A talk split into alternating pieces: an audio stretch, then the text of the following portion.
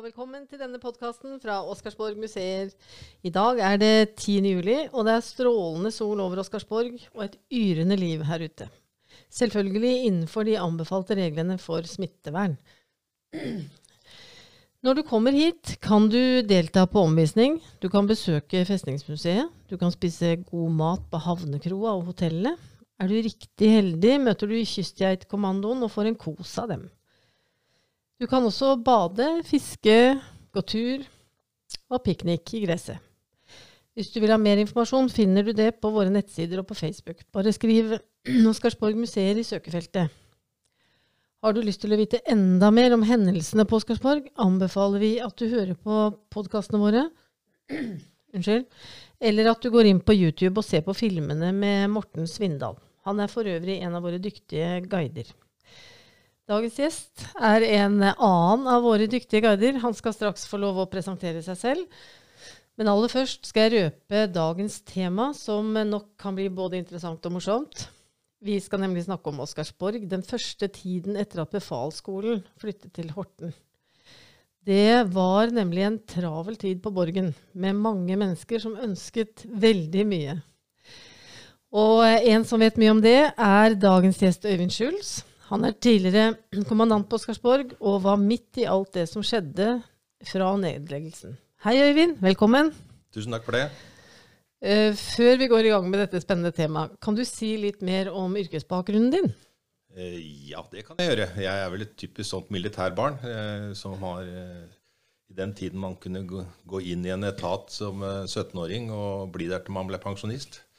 Så eh, jeg har en lang eh, reise i eh, Forsvaret med etatsutdanning, med noe avbrekk bl.a. også hvor jeg har prøvd det sivile liv noen år også, midt i karrieren, for å lufte og hvordan det er på utsiden av gjerdet også. Ja, Veldig fornuftig, spør du meg. Ja, fint. ja, ja, det var veldig lærerikt, det også. og det, Verden er ikke så forskjellig på innsiden og utsiden, så det var veldig nyttig.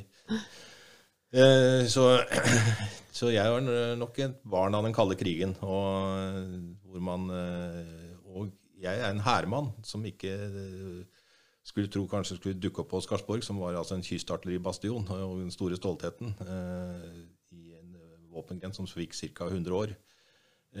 men det ble nå slik.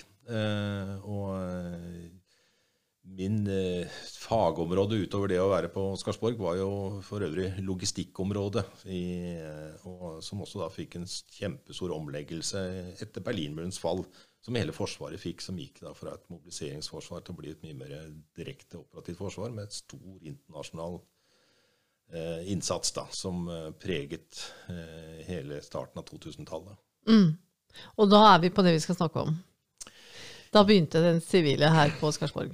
Og det sto ja, du midt oppi? Ja, eh, det, det, det, gjorde jo det. Eh, eh, og det er jo også årsaken til at Oscarsborg og Kystarteri også fikk en kraftig omlegging. Det er, vi kan liksom ikke glemme Berlinmurens fall og den store endringen i Europa. Kystarteriet var jo en av våre mest potente forsvarsmekanismer på, på, la, på landjorda, kan du si, da, i tillegg til Eh, Luftforsvaret, som også var eh, på vingene og drev med avskjæring av eh, fiendtlige fly og holdt overvåking av norsk territorium. Så det var jo meget dedikerte mennesker som var plassert rundt på alle våre kystfort. Og alle disse kystfortene hadde jo, eller mange av de, hadde jo en, gjerne en historie fra annen verdenskrig. Det var jo langt på vei tyskerne som etablerte mye av det som ble basen for det moderne kystarteriet. Og som da det norske forsvaret utviklet eh, og forbedret og holdt i hevd eh, hele tiden. Mm. Så det var jo en kjempeomleggelse for disse dedikerte menneskene som satt rundt omkring og, og, og var på alerten 24-7. Eh, og du kan tenke deg selv at når det da eh, en eller annen mur detter nede i Europa, så kommer det da etter hvert noen og pikker deg på ryggen og sier at nå kan du gå hjem, nå er det over, eh, det er slutt. Mm. Så dette var jo eh, veldig vanskelig for mange i Forsvaret, ikke bare i kystarteri, men også eh, ellers også, som mente de hadde gjort en jobb. Og, og det var jo viktig å måtte opprettholde disse tingene. Men mm. som Europa for øvrig, så måtte også Forsvaret i Norge omlegge. Mm. Eh, og for å da komme litt ned på det spesifikke, som, hvor vi er nå, så, så, så var jo Oscarsborg en av de eh, bastionene som eh, hadde vært veldig lukket, faktisk, Ja. i den kalde krigen. Eh, og eh, skulle da plutselig eh, legges ned. Mm. All aktivitet ble borte. De hadde jo egen befalsskole her. De, forløperen til kystjegerne var jo utdannet her, osv. Så, videre. Eh, så hele utdanningsvirksomheten ble jo først rundt krympa og sendt ned til Horten, hvor det, da marinen hadde befalsskole. Eh, Men da det, ble, liksom, da det ble stille her, hva, hva skjedde da med en gang? Ja, Da var det bare tomt? Ja, det blei på mange måter bare tomt. Nå skal det da sies at jeg kom jo da i, offisielt da, i 2004. Men eh, flagget ble som vi sier, strøket i 2002. altså at da, da, da ble jo eh, splittflagget senket på Oscarsborg. Og det eh, Da starter på en måte litt rabalderet. Mm. Eh, fordi eh, Oscarsborg har jo en spesiell historisk betydning i, i, i, i vår historie. Det anses vel for eh, det viktigste stedet i moderne norsk historie. ja, eh, her vil nok eh, de lærde strides litt grann, da, og, og sånne ting. Og, men jeg tror nok i hvert fall for oss som er vokst opp her rundt Oslofjorden og, og, og fått dette inn litt med morsmelka, eh, mener vel at det, liksom, den motstanden som ble ydd på mange måter, var eh, var på en måte highlighta her på Oscarsborg. da. Men, men vi hadde jo kamper i, i Narvik, og vi hadde mange andre heroiske også plasser. I, i, mange som prøvde eh, å yte eh, motstand. Men, men kjernen her på Oscarsborg kjenner vi jo alle om da forsinkelsen av besettelsen av hovedstaden, og, eh, senere da Mm. kongens uh, flukt. Nå sporet vi helt av. Vi får dra oss tilbake igjen til uh, Ja, ja. begynnelsen av det 20. Men, men det er jo likevel, historien er jo litt, litt, litt viktig i forhold til den omstillingen, da. Men altså i, i Jeg tenker liksom, hva skjedde først? Jo, vi, vi skal bare gi det riset, da, at når Forsvaret da må faktisk redusere kraftig eh, Og en av de tingene som er selvfølgelig kostbart, det er å sitte med mange hus og eiendommer som eh, da ikke er behov for. Og mange av de var jo veldig nedslitte. Oscarsborg inklusiv. Og mye var sånne ekstyske militærleirer som, eh, som ofte ble brukt i forbindelse med retusjonsøvelser osv., som hadde en veldig lav standard. Men eh, i Oslofjorden så skjer jo det at eh, bolærene eh, skal eh, eh, Og i det hele tatt kystartilleri skal nedlegges, da. Og da også inklusiv Oscarsborg. Og eh, så begynner nå det som ender opp i Stortinget som en verdidebatt. oi. Ja. Og så kan jeg si Det er ganske kjedelig, men da er vi inne med det er Willoch-regjeringen og, og den borgerlige siden som har da regjeringen. Og opposisjonen kjører kraftig på med en, en, en verdidebatt. Da mener du altså, da diskuterer man hva som har verdi og ikke? Ja, og da er jo liksom i, I denne sammenheng så er det jo da Oscarsborg og Bolærne. Akkurat. Eh, fordi eh, på Bolærne så, så er det en gruppering som viser stor interesse. Det er jo Smiths venner, som har et stort eh, senter nede i Vestfjorden eller i eh, Tønsberg. Ja. Rundalnes. Og de, de er jo har jo på all overmåte vist at de er kompetente til å overta ting og drive ting. Eh, men opposisjonen mente jo at dette er jo da en måte å skvise allmennheten ut av områder som har vært båndlagt lenge av, av staten ved Forsvaret. og å da gi det, ned- eller selge det til noen som på, igjen vil båndlegge, og eh, ikke garantere for åpenhet eh, til, eh, for publikum. Mm, for det har hele tiden vært et ønske. Det skal være Det, det var jo hele tiden et ønske. Så det blir Så da får vi den, den friluftsdebatten og tilgangen til, for allmennheten for, til kyst- og strandsone.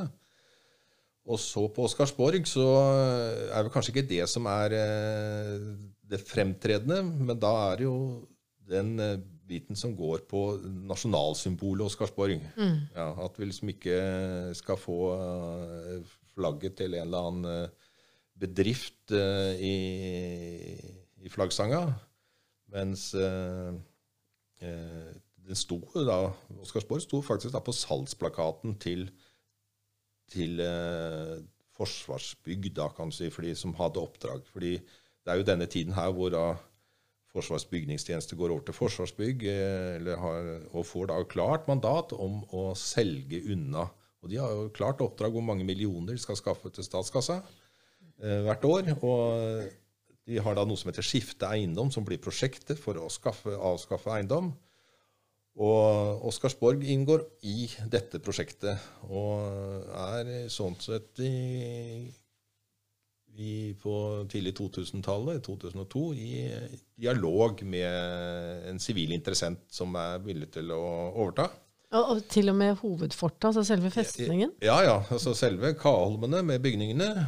Og, og også så var Bergholmen også inne i bildet her. Mm. Men eh, det er jo ikke noe hemmelighet det at det var Klostergruppen som uh, var en av aktørene da. Uh, men så stopper dette litt uh, opp fordi motstanden begynner. Og jeg var ikke en del av de samtalene, så jeg kan ikke gå mye for detalj for det. Men konklusjonen er på en måte klar, at det blir i hvert fall ikke noe av. og her på Oscarsborg så blir det jo også en, med politisk opposisjon. Det blir også fra veteranside, og også da en, en økende protest mot at Oscarsborg skal på en måte nedlegges og legges død, og, Mm. og ikke minst eventuelt selges da på bygningsmassen.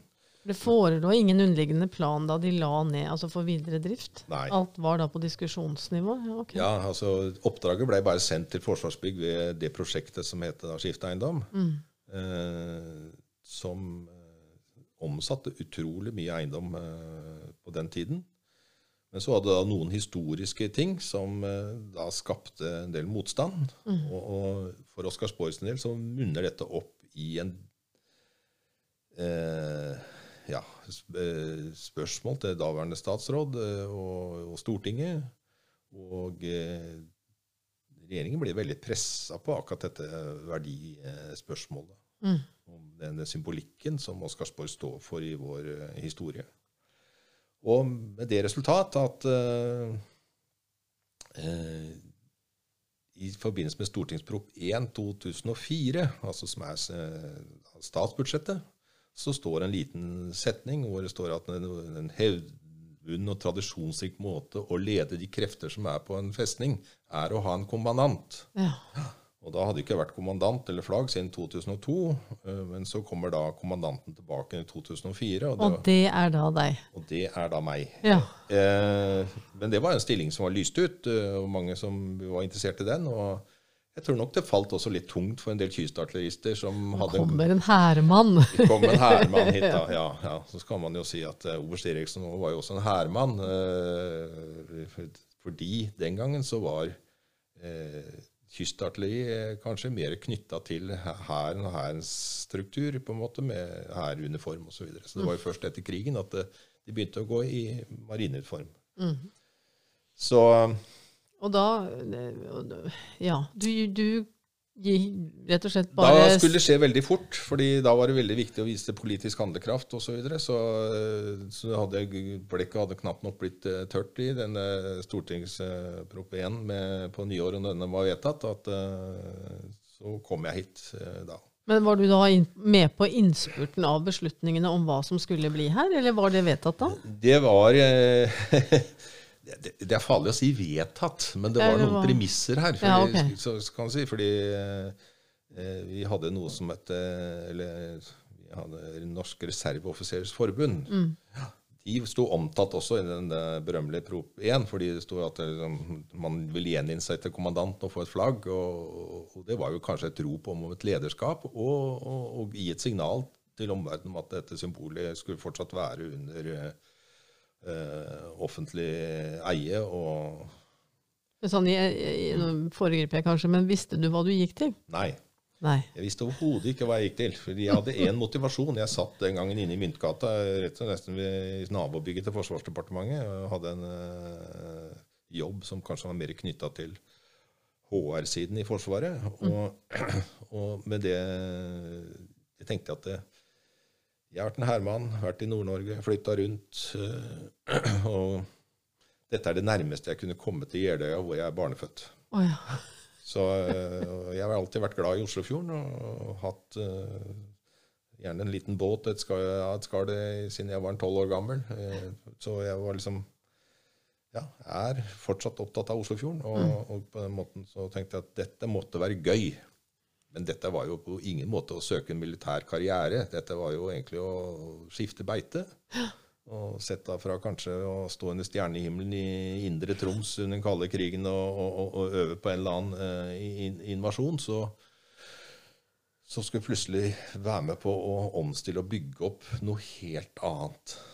Og det var nok mange forventninger i lokalsamfunnet og sånne ting. Og jeg må si at det var jo en kjempemottakelse for lov å komme til, eh, til Drøbak og Skarsborg da. fordi det var eh, stor interesse i lokalsamfunnet for å få flagget tilbake igjen. Det var stor interesse til å få dette under militær eh, ledelse.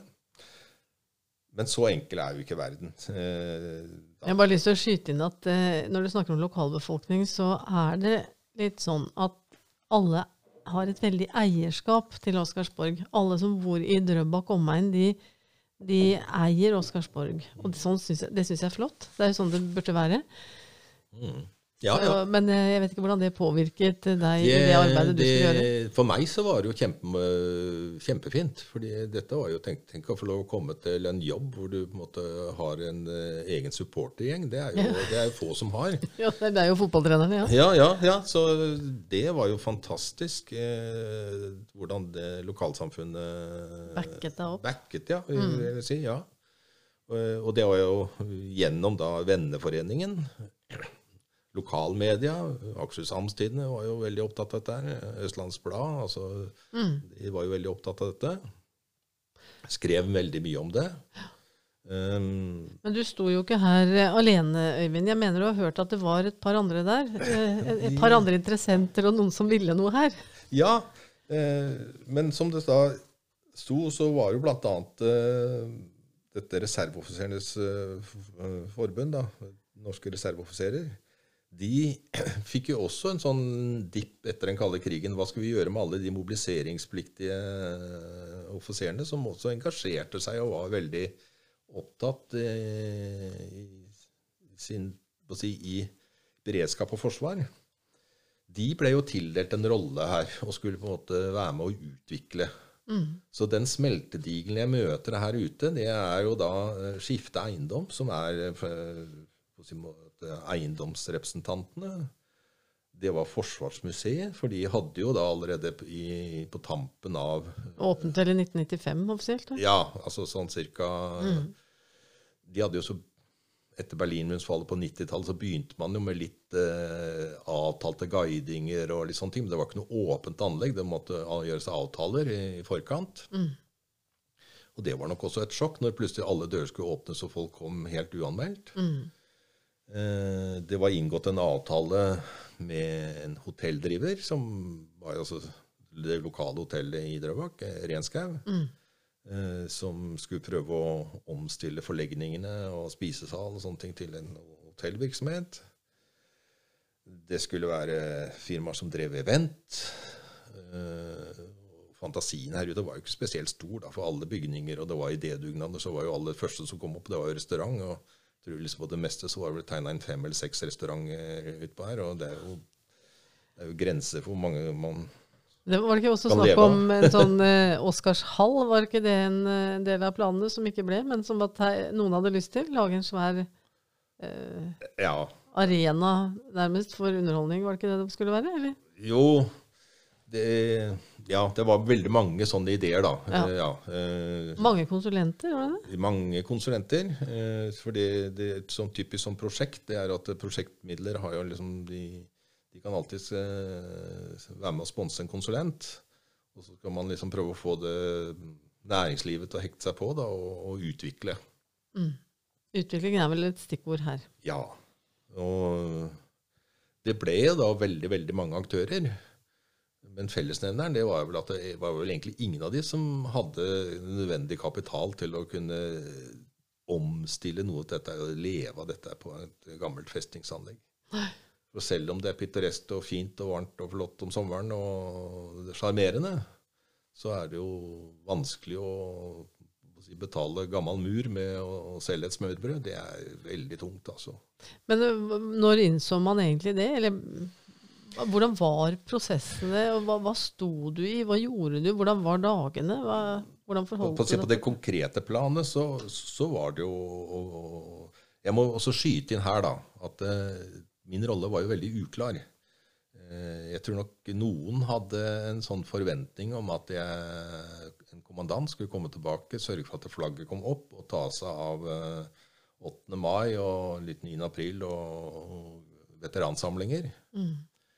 Og Så ble du også da involvert i de videre planene. og Nei, og, og det, da hadde jeg et møte med daværende direktør i, eh, i Ja, han var jo den gang knytta til det vi kalte Skifte eiendom, men det som senere ble hentende Nasjonale festningsverk. Eh, det var jo eh, Kristen Grieg Bjerke som var direktør der, som var knytta til Forsvarsbygg og eiendomsmassen. Jeg hadde behov for å få avklart hva hva min rolle. Eh, Fordi det var jo ikke noe tvil om det at Stortinget hadde sagt, eller eh, departementet eh, og Stortinget hadde sagt at det, det er Forsvarsbygg som disponerer eiendomsmasse og arealer. mm. Ja.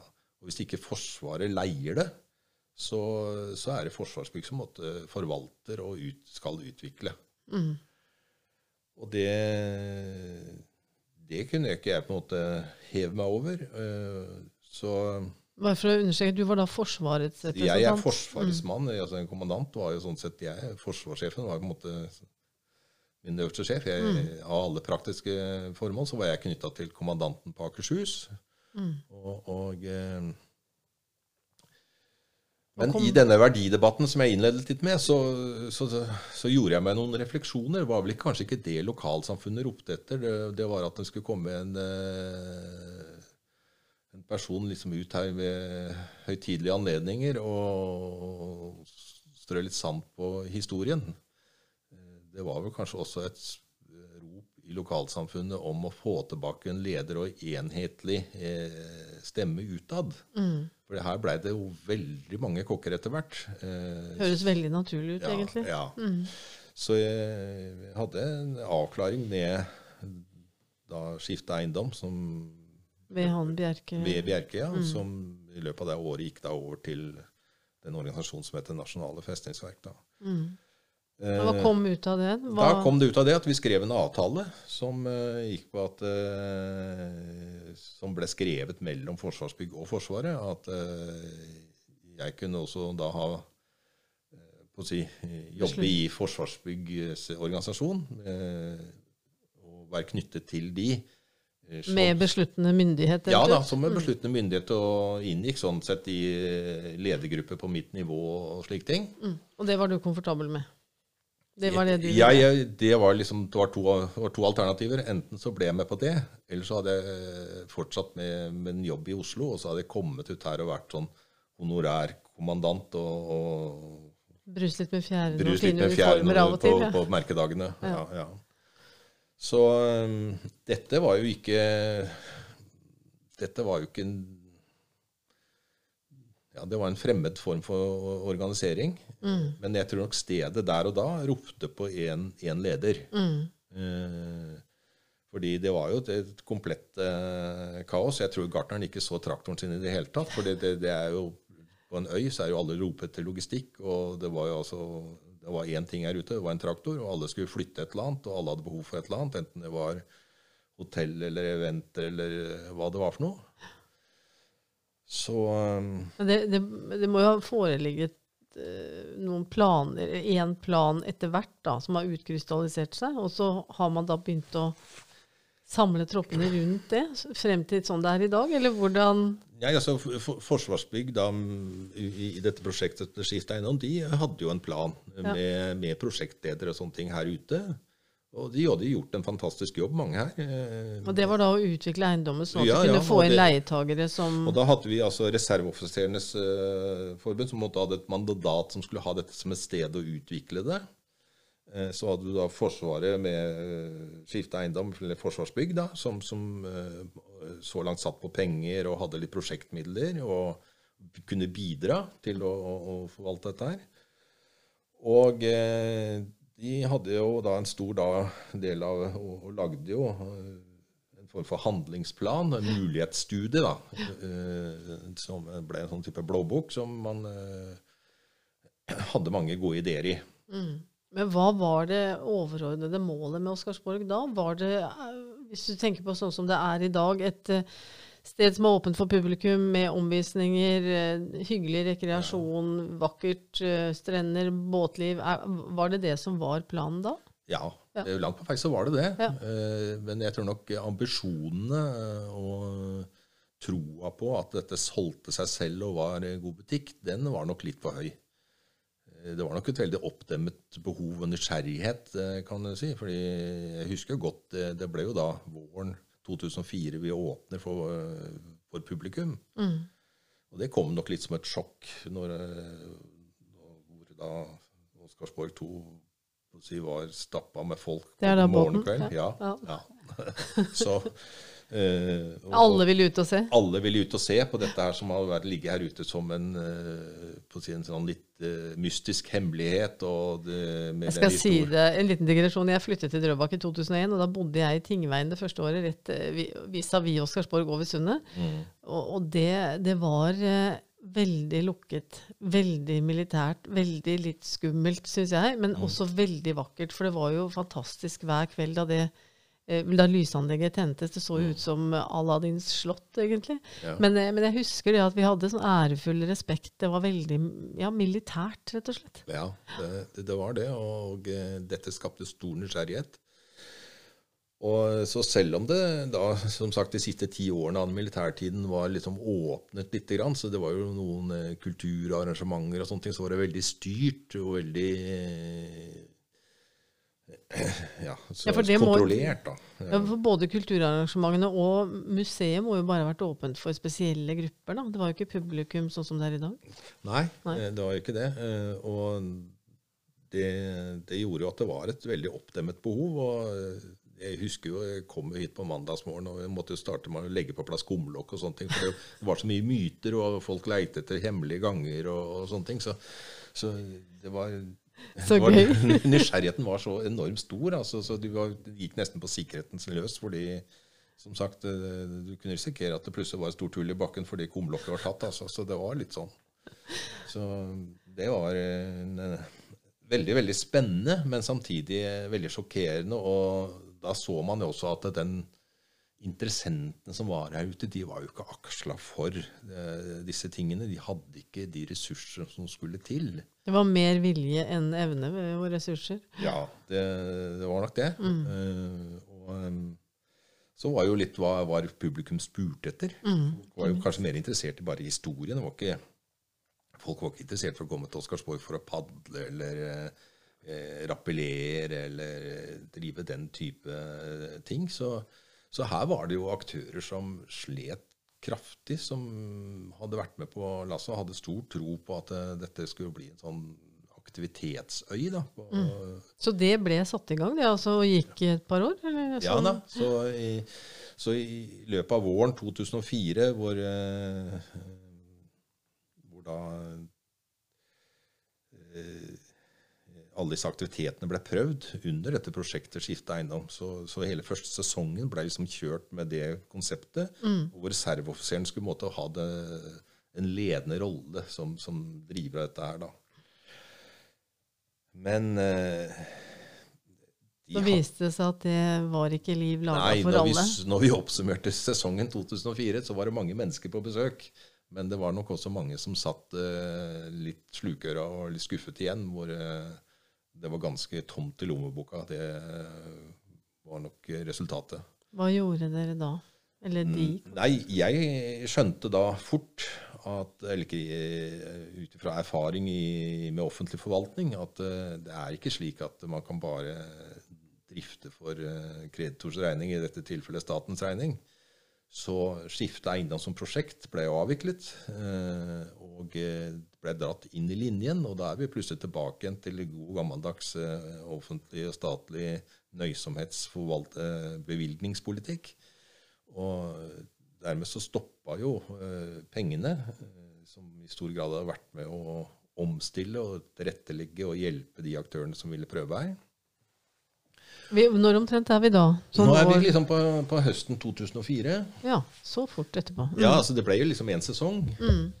Og så, eh, så eh, får man jo liksom organisert eh, denne festningsfamilien i Nasjonale festningsverk som et forretningsområde i Forsvarsbygg. Og vi begynner da må begynne bygge sten på sten igjen, litt sånn fra bunnen av. Men skal så gis at i sesongen 2004 så var det noen ting som vi skjønte ville gå bra. Mm. Det var vel kanskje eh, høyde for at det skulle prøves og feiles litt. Det var jo ingen som riktig visste.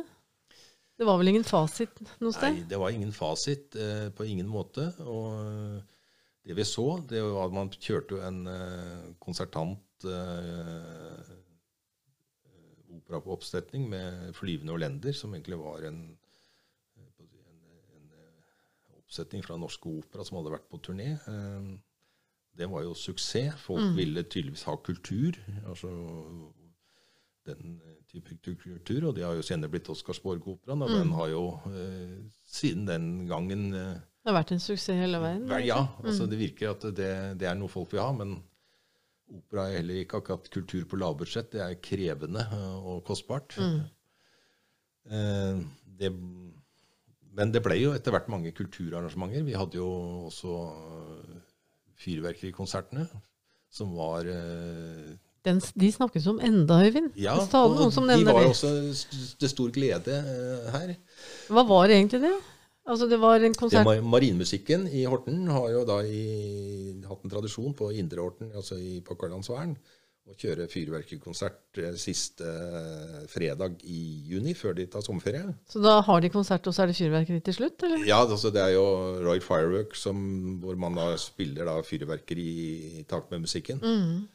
Som er liksom det store avslutningsnummeret. Men ellers er det jo varierende solister fra år til år på det, underholdningsprogrammet før den, da. Mm. Det, det stykket. Men var det over mange år, siden det er så mange som husker det? Ja, det, det, det blei Jeg vet ikke hvor mange år det blei på Oscarsborg, men eh, det blei også en del år på Oscarsborg.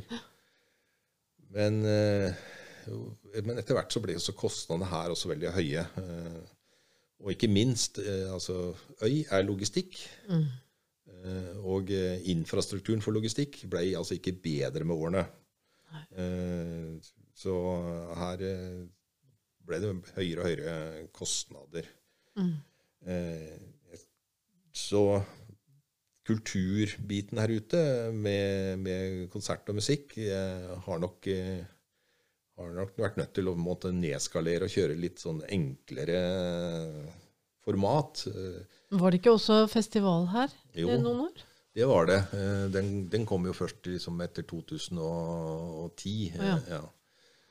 Som senere er blitt eh, den, Som nå er i badeparken? det som er i badeparken. Og det er jo også på bakgrunn av logistikken. Det blir altså for eh, For mye å frakte Ja, over det, vannet? det er klart at når det blir flere hundre tusen i den type kostnad, så er det kanskje bedre å ha de på båndlinje for å demme opp mot regnværsdagene i, i Drøbak enn å legge det inn i ferge. Mm. I 2004, etter den sesongen som ble, på en måte ble prøvesesong, så, så gjorde man noen erfaringer. Vi fant ut at i løpet av 2005, gjennom, før vi gikk på ny sesong, så hadde vi jo da en samtale med Reserveoffisersforbund, og så, så sa vi at det, det er vel ganske klart at eh, dere har altså ikke noe kapital, har ikke penger til å, å si, kjøre dette videre. Og jeg tror heller ikke medlemmene er interessert i at eh, medlemskassa skal tømmes på et sted. Så, så vi hadde da et møte med presidenten der, og eh, det ble vel på en måte da et vedtak også i, hos reserveoffiserene at de trakk seg ut mm. fra dette prosjektet. De så kanskje det samme, de? Ja, altså det var ikke noe De, de trua var kanskje litt lettet at ja. det blei slik. Eh, og så for når vi gikk inn i to, sesongen 2005, så var vi på en måte litt mer eh, nøkterne. Men vi opprettholdt eh, høy grad av informasjon. Eh, Forsvarsbygg, eh, Nasjonale festningsverk, de begynte å profilere liksom skilting og slike ting. Altså få litt, litt sånn enhetlig struktur mm. på hva som skulle opp og henges opp og alle sånne ting. Det, så det ble jo videreført. Hotellet kjørte også videre. Eh, men kanskje den store overraskelsen var vel at eh, kurs og konferanse, det var forutsigbart. Der kan du på en måte Og bryllup og sånne ting, der kan du programmere hva du tjener. Mm. Men den åpne sesongen, altså, hvor altså, man trodde at eh, folk ville flokke seg til sommerhotellene, den tiden var jo forbi for øvrig i landet ellers også. altså Sommerhoteller langs sørlandskysten og all sånne ting. det det var jo borte. Så det var liksom ikke noe Ingenting som skulle tilsi at det igjen skulle bli en suksess på Oscarsborg heller. Men det, bare for å ta med det andre spisestedet der ute, var Havnekroa etablert da, eller? Eh, ikke da. Nei. Nei. Den kom eh, litt, litt, senere. Mm. Eh, med, sammen med at man opprettet gjestehavn. Ja. ja. Så den kom, hvis ikke jeg husker feil, sesongen 2005-2006, så begynte det å utvikle seg. og det ble jo på en måte en suksess fra dag én. Ja, så kan du bare nevne at både gjestehavna og havnekroa og hotellet er her den dag i dag. det er en dag i dag, og, og eh, Gjestehavna, det, det, var jo Drøbak Marineservice som, måtte, som er en da stor aktør i Oslofjorden på brygger og anlegg og slikt. De kunne veldig mye om dette tingene her. De, de var, hadde vel i utgangspunktet sånn interesse av å, å være med sånn rent økonomisk. Og, og, så hadde du andre som hadde ideen på en måte som skulle drifte og leve av det. Uh, men de, de fikk det vel etter vært det heller ikke så veldig godt til, så nå er det jo sånn sett uh, det er vel Drøbak Marinservice som dag. Som står, som står bak alt dette i dag, og mm. er en suksess. Og havne, Havnekro er vel da private restaurantdrivere som driver i dag. Mm. Eh, så de har også funnet sin form og blitt, det er vel Oslofjorden mest populære gjestehavn for uh, fritidsflåten. Det er jo veldig fint der, og veldig ryddig og ordentlig. Ja, ja. Veldig, og det ble, det ble jo veldig fort populært blant uh, lysbåtflåten å komme hit. Fordi det var lett å gå i land, det var gode veier å gå på, og det var en del å oppleve. Så det var liksom noe for uh, både mor og barn som skulle leke og sånne ting. Så det og så kunne man gå opp i museet, og så kunne man få omvisning etter hvert. Ja, etter, ja, ja. Og vi hadde jeg skal bare skyte inn en ting, Øyvind. Jeg tenkte, Du som hører på, hvis du har lyst til å se gjestehavna, så kan du gå inn på Drøbak Eh, nei, unnskyld. Oscarsborg gjestehavn. Der ligger et webkamera, så du kan se mm, når som helst på døgnet hvordan det ser ut der. Mm. Ja, og det er jo absolutt å anbefale. Mm. Og hvis du ikke vil se på webkamera, så bør du komme ut. Ja, kanskje heller komme ut. Det er veldig fint her. ja, ja, men, men, det var jo mange ting som også ble su su suksess, men ikke nødvendigvis uh, økonomisk uh, kassasuksess. Uh, vi hadde tiltak for barn. Tunnelsafari. Mm. Eh, den går nå òg. Den går fortsatt, ja. ja. Så det, den gang så var det det ble skrevet en liten liksom, historie på det, og jeg tror det er liksom den som er grunnlaget for historien uh, fortsatt for denne tunnelsafarien. Uh, operaene ble jo tatt opp etter hvert, og gikk også for full suksess. Uh, nå, det, nå, er vel det landet vel på annethvert år, vil jeg tro. Det, sånn det kjenner jeg ikke helt til hva som er staten på det i dag, men akkurat nå i år så er det vel veldig koronaårsak, da. Eh, I år ble det avlyst, dessverre. Ja, ja. så... Um, Vi håper at det kommer neste år. Det gjør tror jeg nok helt sikkert det gjør. Uh, men så blei det jo veldig mange konserter etter hvert. Uh, med mer populærmusikk av uh, ymse slag. dette gikk jo takket være at det var mange krefter som strakk seg langt. Eh, så eh, man fikk jo til dette i mange år. Men så skjer jo da eh, en ting på Drøbak-siden. Det er jo at fergeleiet til det gamle Drøbak-Hurum, sambandet, det er jo kjøpt opp av Ola Thon. Eh, fergeleiet på Hurumsiden det ble det plukka Statens vegvesen ned og sendte til en fergekai bort eh, på Vestlandet. Mens da den eh, langgangen på Drøbak-siden, den eh, var fortsatt mulig å bruke. Eh, men det var ingen som vedlikeholdt den. Det var ingen som uh, holdt den i hevd. Og til slutt så var jo den også så tvilsom å bruke at uh, det var ikke lett å leie inn en ferge. Men, men Siva, gikk ferjen til Oscarsborg bare fra Drøbak sentrum først? Ikke fra Nei, nå snakker jeg om Hurumfergen. Ja, Hurumfergen den ja, gangen. Ja, ja. ja, altså fordi nå snakker jeg om arrangementene her ute. Ja. Ja, og, og hvis du skulle nå konserter, så var vi avhengig av lydanlegg. Eh, og sceneoppbygging, tunge biler.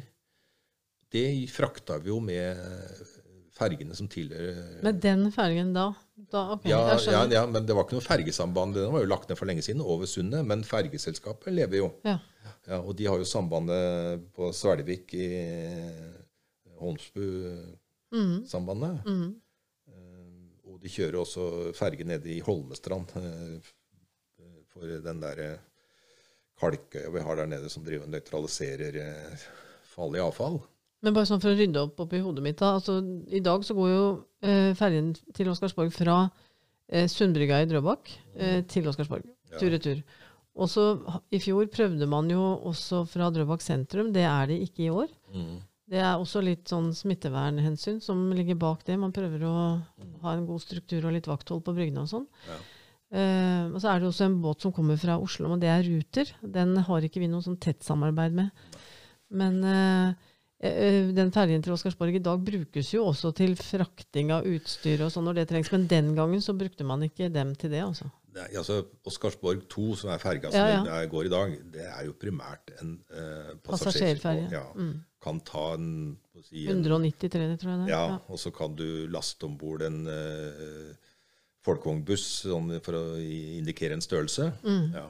Men det, er ikke, det holder ikke når eh, konsertarrangører kommer med semitrailer. Nei. Nei. Nei, det skjønner jeg. Nei, og, det, og der hadde vi et godt samarbeid med, med fergeselskapet i Drøbak, som da hadde en reserveferge som, eh, som det var mulig å ta tak i og bruke. Mm. Så vi fikk over store konsertutstyr da. Og fikk lasta opp tribuner og lydanlegg og sceneanlegg og slike ting. Jeg blir litt imponert ja, Ja. altså, over den logistikken. Det er ganske krevende. Over sånn. veldig krevende og kostbart. Ja, ja. ikke minst. Men så, eh, så ble jo Lemansbrygga utviklet eh, da med de bygningene eller leilighetene og det vi ser i dag, Mm. og fergeleiet fjernet. Og dermed så var jo nærmeste fergekai i Holmestrand. Oi, Ja. Og da ble jo veien veldig, veldig lang. den ble lang. Og samtidig så utbygger man jo da gjestehavna i, eh, her. Hvor da fergeleie, eller hvor den hydrauliske lemmen som kunne ta imot en ferge lå. Eh, Så, så det ble også veldig vanskelig i forhold til eh, lystbåtflåten og sånne ting å få inn en stor båt. Og dermed så øh, forsvinner noe, altså forutsetningen for å ta de store arrangementene som skal fort inn og fort ut, de eh, blir borte. blir borte. Og dermed så, Det er jo da mye av årsaken til at eh, bl.a. Fyrverkerikonserten og eh, denne Oscarsborg akustiske festivalen, som også hadde flere scener og store anlegg, og andre populærkonserter som hadde vært oss i mellomtiden, det ble tyngre og tyngre å gjennomføre. Ja. Nå sier jeg ikke at det er umulig, fordi tar man det over lang og planlegger nok, så, så går det også, men, men det krever en helt annen logistikk enn å ta et ferdig konsept som kommer med, med, med store trailere. Mm. Jeg forstår. Ja, og da begynte det å utkrystallisere seg en, eh, en, eh, no, eh, en driftsform som man kunne leve med. Ja, så det, Ting finner jo på en måte sin form. Ja. Ja, eh, museet eh, var jo st stor suksess fra dag én. Eh, Det var et oppdemmet behov og nysgjerrighet, og guiding var eh, populært. Så det gikk så det suste. Det kan hende at noen ikke umiddelbart tenker på Blücher og 9. april 1940, men det er også den store hendelsen som, som formidles på Oscarsborg. Ja, det er kanskje i hvert fall den er mest kjent for. Eh, Ja. Og så blir mange litt overrasket hvis de tar en guidet tur, og så får de høre om at det er faktisk annen historie her ute også. Eh, Helt tilbake til 16 før? Ja, det Ja, det. det, spor i hvert fall tilbake til den tid. Så det er absolutt å anbefale å, å se litt nærmere på historien. Og Ja, har jo også hatt en historie under unionsoppløsningen og eh, første verdenskrig, og ikke minst en historie i den kalde krigen. Mm. Så det her er det mange lag å se samfunnsutvikling på ved å komme til Oscarsborg. Altså. Og det er jo helt unikt å kunne få sin egen guide. Akkurat nå under eh, koronatiden så er det mulig å få guiding i åpne grupper. Dvs. Si at du ikke forhåndsbestiller. Du kommer til Oscarsborg og kjøper billett i kiosken. Um, men vanligvis eh, når det ikke er pandemi, så kan du også bestille egen guide når som helst på året. Det var reklamen. Og så må jeg også si at er- Festningsmuseet er åpent nå. De omvisningene vi har, foregår ute, men det er mulig å gå inn i Festningsmuseet på individuell basis da etterpå. Det er eh, modernisert eh, i flere trinn. Vi er akkurat ferdig nå med egentlig trinn tre. Ehm, og der kan man uh, få et tillegg til det som guiden forteller, få litt mer detaljert informasjon om gjenstander og andre spennende ting. Da kan du logge deg på med din egen telefon. Så ta med telefon og ørepropper når du tar turen. Det var reklamen. Nå skal vi tilbake til Øyvind. Ja, ja, nei, det Men eh, så har jo ting i hvert fall utviklet seg. Jeg tror ting har funnet sin litt form. eh, Og hotellet var på en måte den største aktøren, og de har jo også reforhandlet og jo, har nå ny langtidskontrakt eh, her ute. Hvilket år er vi på nå, sånn cirka? Jeg husker ikke helt detaljene på det, men de, de, de var jo inne i bildet her og hadde en relativt kort kontrakt i starten. Og, men skulle de leve, og så måtte de ha en forutsigbarhet, så de fikk jo ti år. Nå er det vel kanskje inn i tredje perioden, egentlig, eh, hotellet her ute, sånn kontraktsmessig. Men den tiden du snakker om nå, så er vi på 2005-2006 Ja, ja, kanskje nå? Ja, her? Ja. ja, fra 2005 så utvikler vi jo dette ved nøysomhet. Eh, prosjektmidlene er borte. Eh, hver aktør som kommer hit, må jo på en måte eh, sørge for seg. Og vi får da Oscarsborg-syndromet. Som er Det er at det er koselig å være her, men jeg tjener ikke penger. Oi. Og det er jo da utfordringen, selvfølgelig, for veldig mange eh, som prøver seg. Eh, Det er spennende å være her, det er eh, koselig å være her, og sånne ting. Men det har jo også en kostnad. Dette skal vi prøve primært, selv om ikke man betaler si, markedsleie. Man prøvde jo å, å, å tilpasse og gi, gi så fornuftig husleie som mulig. Men samtidig så hadde jo Forsvarsbygg eh, et mandat om at de skulle eh, sikt prøve å kreve gjengs leie og få det til å, å, å gå rundt. Det høres så grusomt ut når du sier det, Oscarsborg-syndromet, men eh, noe av årsaken er kanskje det at eh, i hvert fall tidligere så har det jo vært veldig sesongbetont. Altså Nå ser vi at i hvert fall de guidede omvisningene de strekker seg mer og mer utover. Og nå har vi Det er mye mindre selvfølgelig om vinteren, men det er også en del guidede turer om vinteren. Det var det kanskje ikke så mye av den gangen. Altså så mye besøk vinterstid. Altså Kurs og konferanse medførte jo en del guiding bestandig. Mhm. Og eh, man tok også litt hensyn for at det var sesongbedrifter. Absolutt. Men, eh, men det, sånn sett så, så det ble jo utviklet seg etter hvert et spørsmål da, i, om hvilke kostnader er det egentlig staten skal bære på vegne av en leietaker. Eh, Vi har jo bl.a. en ferge som går over. eh, Og fergedrift er dyrt. Det er eh, veldig mye klassifisering, det er mannskap, og det er eh, Drivstoff. Og, ja, ja så, så, så, så går det 24-7 praktisk talt. Eh, den gang så bodde jo mannskapet her ute og, eh, var tilgjengelig hele døgnet. Nå har man jo lagt om det litt, men det er jo fortsatt eh, fra styve om morgenen til over midnatt fergedrift. Og det, det er klart det er fryktelig kostbart. Og dette skal jo på en måte gjenspeile seg i billetter og, og fraktinntekter. Så, så den type ting begynte å melde seg. Og dermed så rakner også veldig fort hele eksistensgrunnlaget for mindre aktører. Mm. Og, så det, det, det er selvfølgelig det er jo en diskusjon eh, som, eh, som staten måtte, må, må ta. Men eh, personlig så mener jeg at her, her må man jo måte eh, nesten bestemme seg for litt om man ønsker aktivitet, eller om man skal ha inntekt.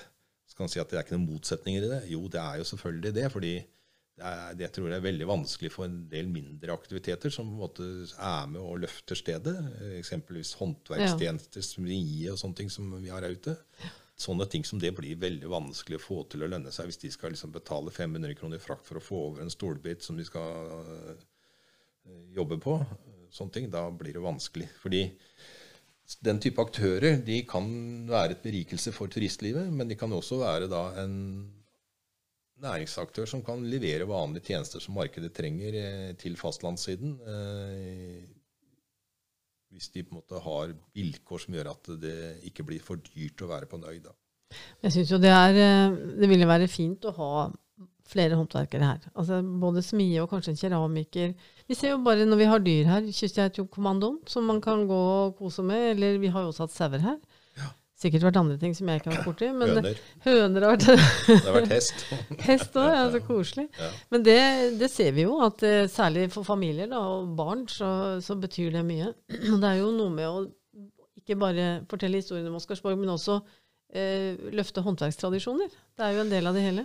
Eh, ja, Hvis vi snakker om håndverkstradisjoner, så ville jo på Oscarsborg så ville jo det vært historisk veldig korrekt også. For det, det var jo et selvgående samfunn og hadde alle typer håndverkere i eh, sin midte eh, for å leve som et samfunn i sin tid. Ja, Fra det sto ferdig i 1853, egentlig, mellom Ja. alle bygninger i 1856. Ja, ja. Bare, det er jo det er veldig spesielt. da, altså Et samfunn i samfunnet. Et yrende liv, alle yrkesgrupper her ute. Ja, ja, det var det. De var jo sånn sett veldig veldig selvgående rent historisk. Og det hadde jo sånn sett vært, eller det hadde vært trivelig om noen av de håndverksgruppene, kanskje spesielt de gamle håndverkerne, kunne også fått lov å, å Komme og vise seg ja, vise seg igjen. Da. Mm.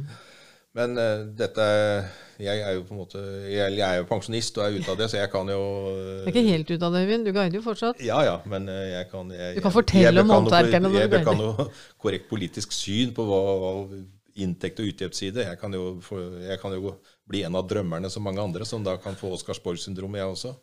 Eh, nei, fordi det blei dessverre slik at jeg måtte ta faktisk eh, sammen med festningsforvalteren. Jeg må jo si det. Jeg kan jo nevne han med navn også, Lloyd Klyver, som var eh, primus eh, motor i den oppstarten her. eh, og si, en hai etter å sørge for at Oscarsborg fikk en stor del av kaka i forhold til mange andre festninger i, gjennom 2000-tallet. eh, Som sånn sett jo bidrar til å løfte faktisk veldig mye med, tanke på vedlikehold og få det til helt tatt å være noenlunde presentabelt for eh, gjestene. Nå må jeg bare skyte inn døven Øyvind, at jeg har fått et nytt miksebord her nå nylig, og der har vi en applaus. Vi kan ha en liten applaus for Lloyd Klyver. Det kan vi ha, vet du. Sånn. Da fikk vi prøvd den. Ja. Så, eh, så Og det, det er jo ikke tvil om det at eh, det å måtte ha en festningsforvalter som var foroverlent i skoa, eh, som hadde prosjektene klare og var veldig klar når det ble spørsmål om vi kunne bruke noen penger, så, så hadde han noe i høyreskuffen med en gang som kunne settes i gang. og det og det er jo ofte sånn i, i offentlig forvaltning sånne ting at det er, prosjektene går ikke nødvendigvis som de skal, og dermed så er det driftsmidler som skal, eh, er ledige på markedet, og der var han eh, vil jeg si, nummer én til å hive seg inn i det. Så bra. Ja, eh, så, men dessverre så måtte jo festningsforvalteren og, og undertegnede gang blant ta en leietager og så fortelle at skal du være her lenger? Hva er på å si, Hvor lenge kan du drive egentlig eh, og se at lommeboka di blir mindre og mindre? At det er ikke snakk om status quo engang. Og de samtalene jeg hadde noen ganger, og, det, folk måtte jo da innse at det, det hjalp ikke at det var koselig. Eh, Det, det ble også etter hvert kostbart for mm. enkelte drivere. og De pakket da sammen og dro til land. Ikke fordi at de nødvendigvis gjorde en dårlig jobb eller eh, sånne ting. Det, Men var- driftsutgiftene blir så høye fordi Ja. det ligger på en øy? ja, og det var, og- ikke, det var ikke driftsgrunnlag heller, for eh, gjestene kjøpte ikke nok. Nei. Ikke? Altså det er jo hvis vi, sier, hvis vi tok hardt i, så var vi kanskje på årsbasis 90 000-100 000 besøkende, hvis du Mm. tar det litt romslig. Og alle disse menneskene her, de kom ikke hit for å spise. Nei. De kom ikke hit for å kjøpe en suverni. Eh, så, så, selv om noen la igjen noen kroner, så Mye av dette er, var jo også kurs- og konferansegjester. der De hadde på en måte pakka seg klar. Bryllupene hadde sin pakke klar, så de la jo ikke igjen penger i de andre butikkene. Så synd, tenker jeg nå. Ja. ja, ja, det er jo synd, men uh, det må jo være et visst grunnlag, da. Det er klart. Ja, og, og uh, mange av de som kom hit, de uh, la jo igjen pengene sine i Drøbak når det kom til liksom, spising og suvenirer og slike ting. Så de var jo mer her ute for å oppleve. Mm. Og der tror jeg nok med alle konsulenter og alle som hadde greie på et turistliv og sånne ting som kom hit og skulle mene noe, der bomma man nok stygt. Og første året, i 2004, så var det jo en kjempekostnad for å komme hit også. Det var, liksom, det var først fergebillett, og så var det pass, sånt Skarsborg-pass for å få lov å gå rundt der og sånne ting. Og mm. dette, dette, kunne jo ikke fortsette sånn, for det var, sto ikke noe innholdet sto liksom ikke i forhold til kostnaden. Så hadde du kanskje allerede betalt for parkering også på land? Nei, Vet ikke hvordan det, det var den gangen. Senere. Det, det kom senere. Ja, ja. Da kan jeg jo skyte inn at nå er det sommerparkering for eh, de som skal til Oscarsborg. Det er bare å følge skiltene når du kommer ned til Drøbak. Ja da. Så, og den er faktisk i stort sett så tror jeg den er gratis. Ja. Det skal jeg ikke Nei, Jeg skal ikke si det helt sikkert heller, for det er så nytt. Men eh, noe av det er i hvert fall gratis. Ja. ja. Nei, altså det, var, det, har vært mange som har prøvd. Noen har eh, lykkes. Eh, men det er klart det er gjerne det er organisasjoner som har et volum, eller har en stor eh, eierorganisasjon bak seg. altså sånn som Forsvarsmuseet, som er knytta til Forsvaret, med en bevilgningsorganisasjon. De, de, er jo her av naturlige årsaker. Redningsselskapet, som var også, den lå jo tidligere i Drøbak, med redningsstasjon. Der frigjorde vi et hus her og bygde om og sånne ting. De har jo vært der siden. Det er jo en berikelse for miljøet her ute. Gjestehavn er bygd opp. Det fungerer absolutt bra og har kommet for å bli. Ja. Eh, havnekroa, Havnekroa og hotellet. Ja, det, og Også ikke minst har vi Son sjøskole, som eh, nå vel De har vel vært her nå i to år, mener jeg? Ja, er det tre? Det, to, jeg tror det er to. Ja. De, de var veldig tidlig på banen og hadde en vurdering. Og de var jo innom her hvert år og lå her med skuta si mm. og, og, sånne ting. Og nå har de endelig funnet ut at Eller jeg tror de har funnet formen. De er ja. veldig hyggelige å ha dem her. Ja da. De, Flotte ungdommer og hyggelige lærere. Ja da, og det er jo litt sånn, den type aktiviteter som kan bidra litt på, gjennom hele året, mm. som er uh, viktig å, å, å, få hit. Jeg tror ikke det er grunnlag for flere spisesteder og den uh, type ting, uh, men kanskje se på litt mer annen type næring og utleie som passer i profilen. Nå har jo eh, hotellet da Hotellet drifter tunnelsafarien for barn, eh, og det er i hvert fall i juli. Jeg tror det er frem til 6. 6. august. Dette her finner du mer informasjon om på nettsidene til hotellet. Eh, men de har også nå startet opp med geværskyting på blink. Og så er det en paintballbane. Riktignok ikke med paint, det er gummikuler. Men dette finner du også mer informasjon om på nettsidene til hotellet, eller Facebook-siden deres. Oscarsborg hotell og resort. Ja. Og det, det, viser jo at det, det, er stor kreativitet, og det finner sin form med mange ting. Og eh, en ting vi var veldig opptatt av når vi skulle starte her, det var jo også at det skal være en viss grad av verdighet. Mm. Altså, kommersialiseringen skal ikke måtte overskygge historien. Nei, det er veldig viktig, syns jeg. Ja, og det, det, å finne den balansen var kanskje I starten så var vi kanskje veldig redde for at det skulle bli sånn, men det var jo må si også, det var veldig mye Texas eh, som meldte seg også i starten som Som ikke med, passet inn? Ja, altså det var jo veldig mange som ville ha partytelt langs hele sjølinja og komme i fronten av festningen og, og kultur, altså bygningen som viser kulturen og slike ting. Jeg har en lyd for det, Øyvind, et øyeblikk. Ja. Det var da for ting som ikke passer inn. ja. Okay. ja, og det, så det, det blei jo i, også i starten veldig mange sånne uh, avdømninger, da, for å si sånn. Eh, det var jo noen som syntes det var veldig moro med helikopter.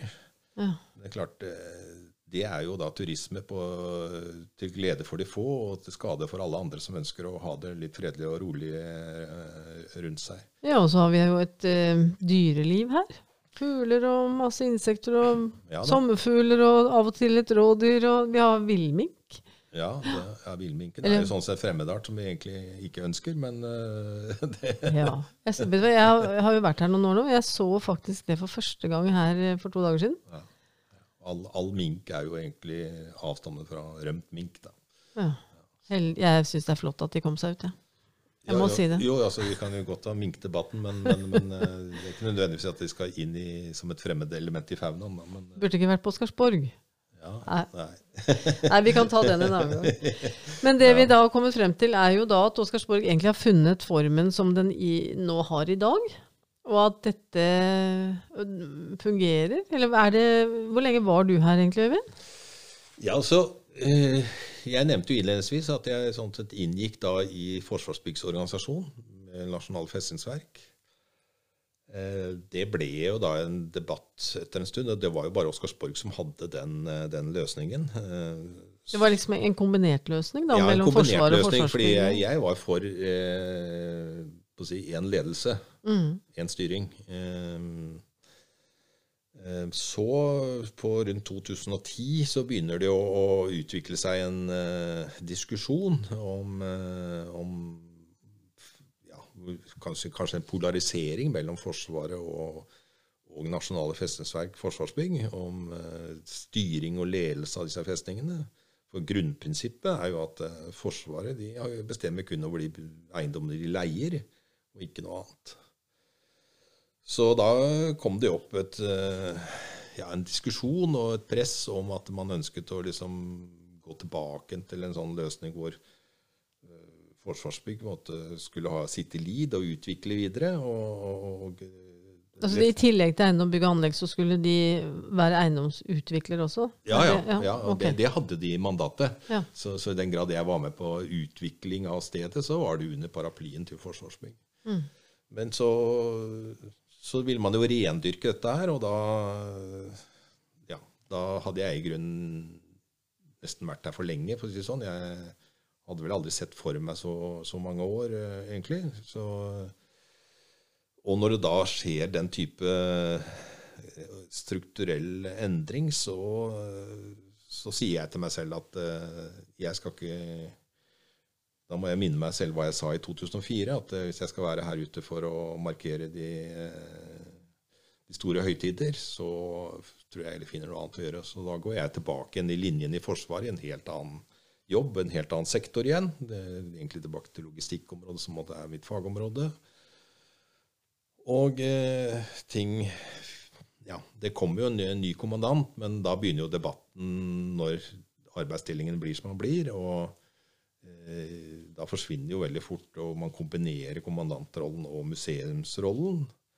Som, er, eh, som hadde også da militær ledelse, en årlagskaptein hele tiden.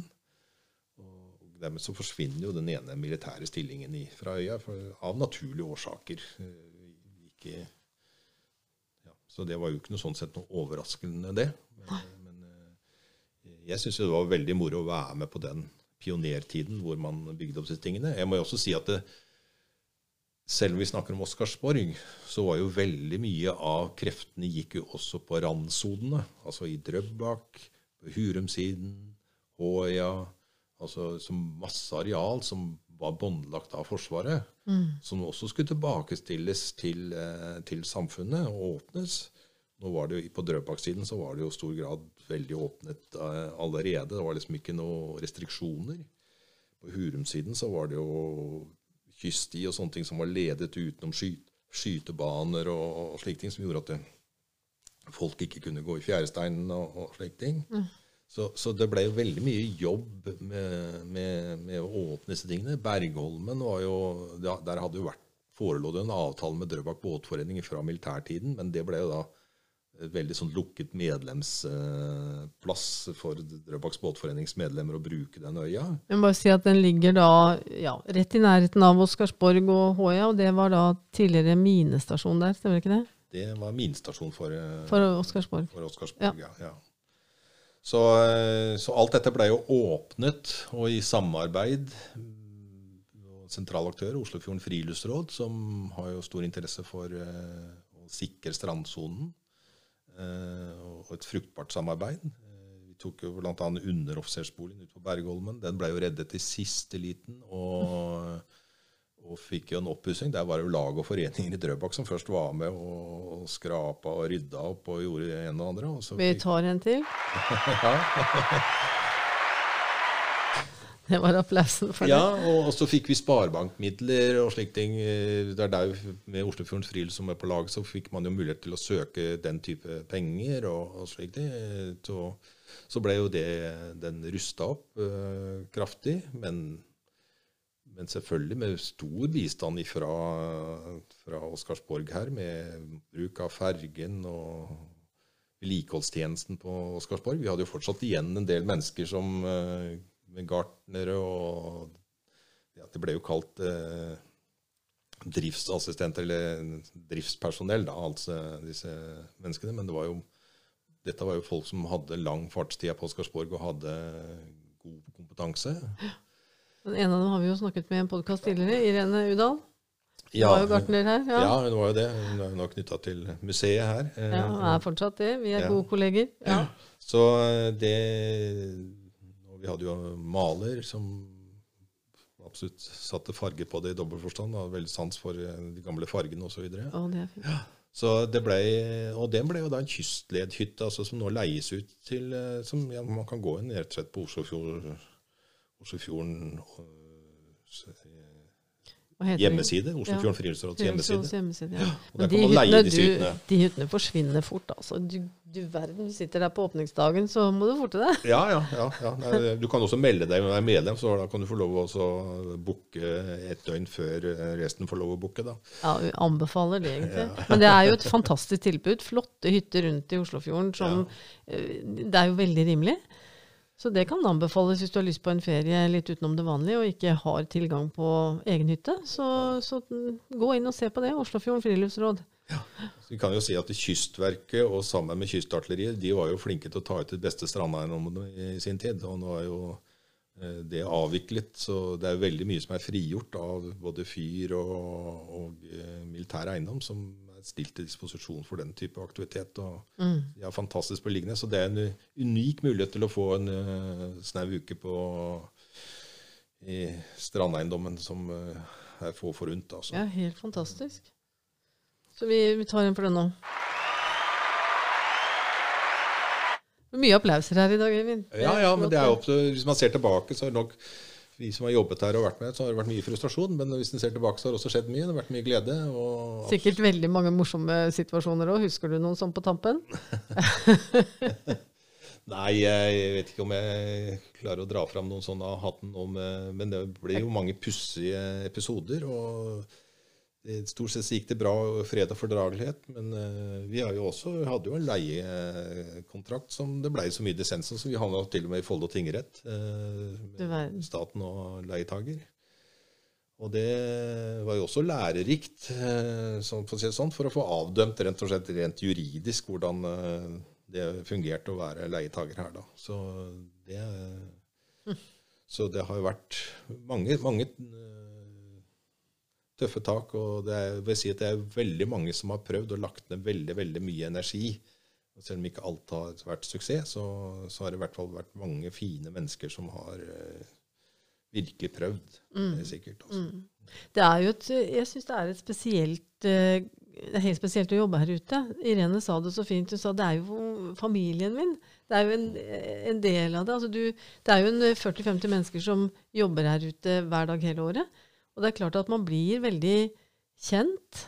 Uh, og, og, det er litt sånn, Hvis de som husker Tjorven og Saltkråkan Noen ganger nå om sommeren så ferjen kommer inn, og man føler seg litt Det er på, på, ferie egentlig hele året, særlig om sommeren. Ja, og det er litt spennende. Men det er jo Oscarsborg-syndromet. Det er klart at når du Det da, kan være positivt òg, ja. Ja, altså, ja syndromet altså, i den forstand at du det er tungt å forlate familien din fordi du trivdes her ute. Ja. ja mm. Så det er, det er, det jeg legger i det. Det er det, det du mente med ja, det. Ja, så ikke, bra. Altså, det er ikke så negativt ment, men det er sånn, noen ganger så må du faktisk gjøre oppmerksom på at nå, nå er du i ferd med å måtte drive deg selv til konkurs hvis du ikke bestemmer deg for å gjøre noe annet. Ja, men Det er så vanskelig å dra herfra at man tyner det i det lengste. Fordi du, du, du, vil prøve det lengste. Ja, fordi, for det er så fint å være her. Ja, og det er som du sier, at det er uavhengig Om du var knytta til museet, eller det var til eh, bygg og anlegg, eller eh, hotelldrift og sånne ting, så var man jo én familie. Mm. Ja.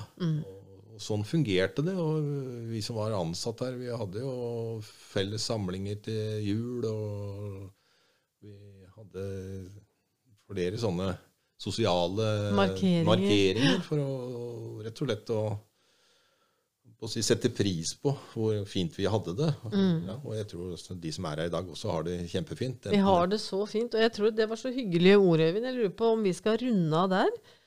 Syns dette det var en interessant samtale. Og takk til deg som har fulgt oss. Som du da sikkert har skjønt, så ligger det ute en del andre podkaster. Har du lyst til å se film, kan du gå inn på YouTube eller på Facebook-siden vår. Oscarsborg museer.